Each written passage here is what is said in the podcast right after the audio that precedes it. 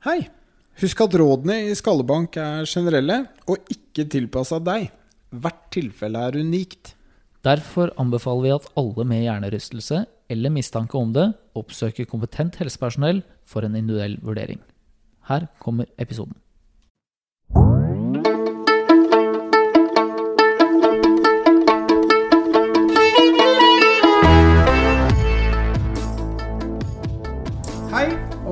Velkommen til Skallebank. Podkasten om hjernerystelse. Jeg er fysioterapeut Narve Bjørneseth.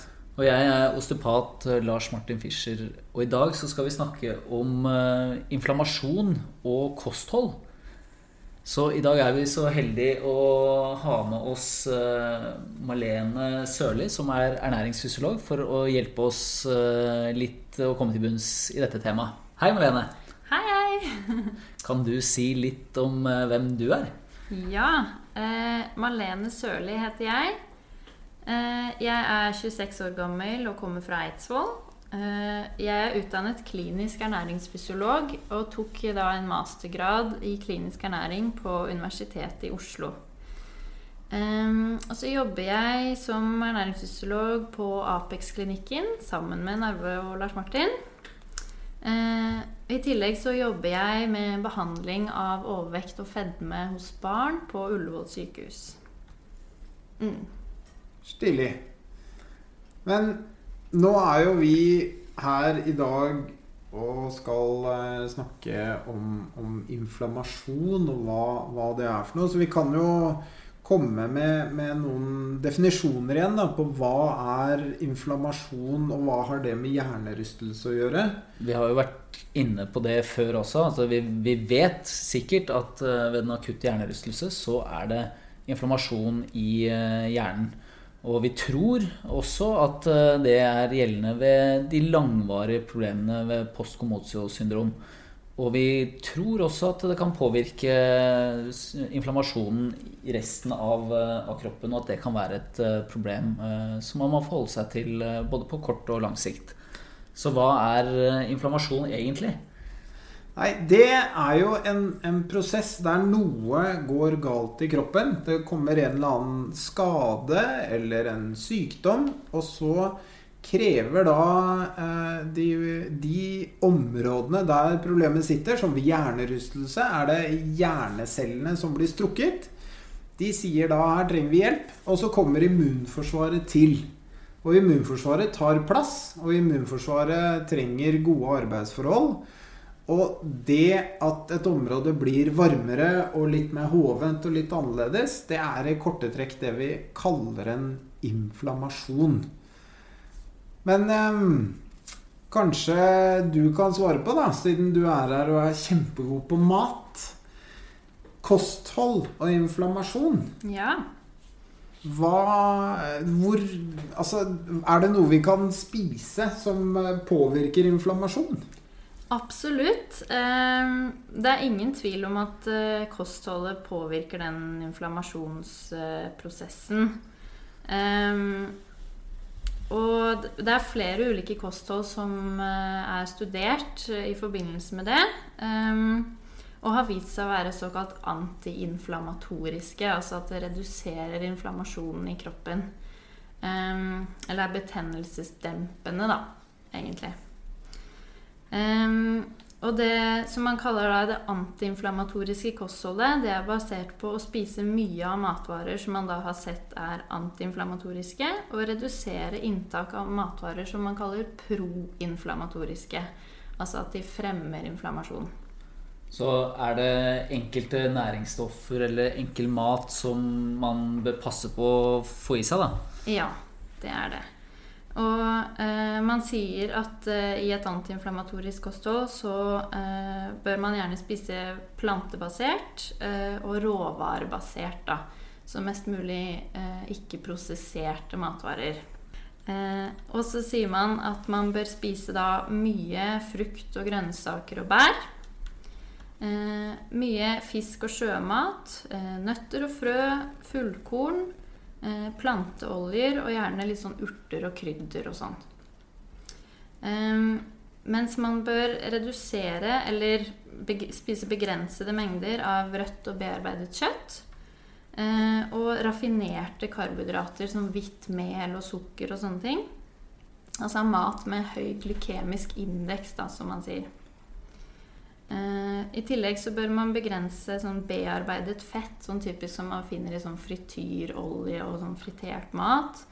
Eh, og også det, det, type fett som man finner typisk i animalske produkter, som sånn rødt kjøtt f.eks. Man bør også begrense inntaket av alkohol. Ja, Så det er både ting du kan uh, spise for å gjøre at inflammasjonen uh, reduseres, og det er ting du kan unngå for at den skal, skal blusse opp. Ja. Uh, er det nødvendig å gå på en diett?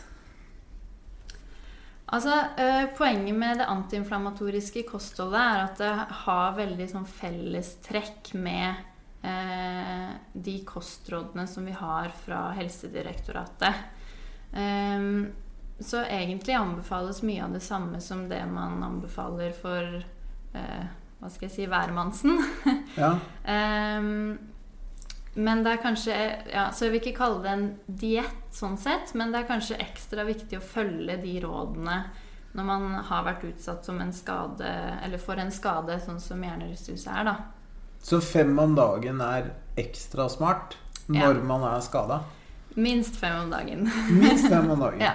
Er det noen øvre grense på, på, hvor mye man kan spise av frukt og grønt? Altså Nei, man sier faktisk at uh, man gjerne bør spise ubegrensede mengder.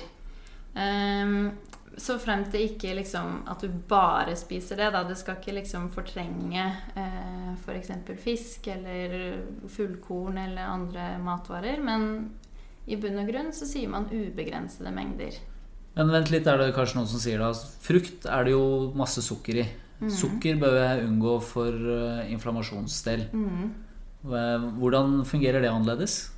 Altså, eh, Da må man skille mellom det som kalles fruktsukker, og det som er liksom det tilsatte sukkeret. da. Eh, og da er det liksom det raffinerte, tilsatte sukkeret som man sier at man bør begrense.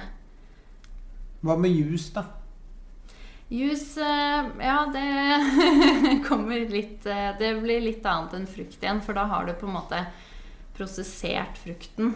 Så i juice så er det på en måte mye høyere eh, hva skal jeg si, konsentrasjon av den, det fruktsukkeret enn det er eh, i en frukt. Ja. Pluss at du ikke får liksom det fiberet for som du får når du spiser frukten. da. Så juice eh, sier man at man eh, bør begrense til kanskje Eller når man sier fem om dagen, så kan jus være ett av fem om dagen. da. Men så der mer. er det ikke ubegrensa? Nei, ikke når det gjelder jus. Mm. Men eh, jeg vet ikke med deg, Jan Arve, men eh, disse norske kostrådene de har ikke jeg sånn stolt kontroll på. Men hva, hva vil du si i hovedtrekk det går ut på? Eh, først og fremst så sier man jo at det er hovedsakelig plantebasert. Og så er det jo det med fem om dagen da, når det gjelder frukt og grønt. I tillegg så sier man at man bør spise fullkorn. Eh, altså kornprodukter bør være fullkorn. Eh, og så uh, skal man spise fisk minst to til tre dager i uka til middag. Uh, hvorav ca. 200 gram bør være fet fisk, da. Og hva er fet fisk? Ja, det er f.eks. laks og ørret og makrell. og sardiner, faktisk. Men det er kanskje laks eh, man spiser aller mest av i Norge, da. Um, men også makrell i, makrell i tomat. Men en antiinflamatorisk pizza, da har du grov bunn med oliven og sardiner på? Da, da hadde det funka, liksom? ja. ja, du kan kanskje si det. ja, det er jo perfekt. All right.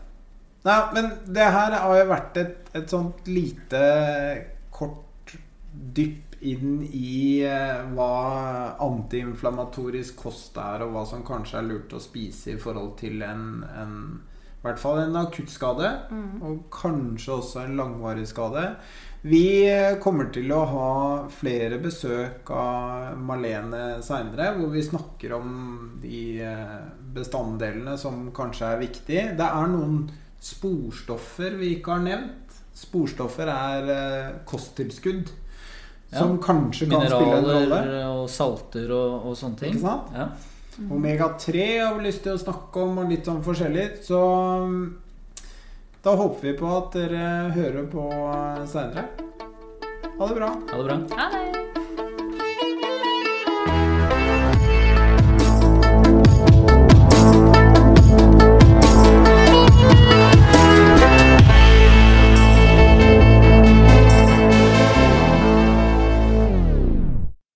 Dette er klinisk ernæringsfysiolog Malene fra Skallebank podkast. Har du spørsmål om kosthold og ernæring i forbindelse med hjernerystelse, kan du sende spørsmål til skallebankpod at gmail.com. Du kan også følge oss på Instagram og Facebook på skallebank-hjernerystelse.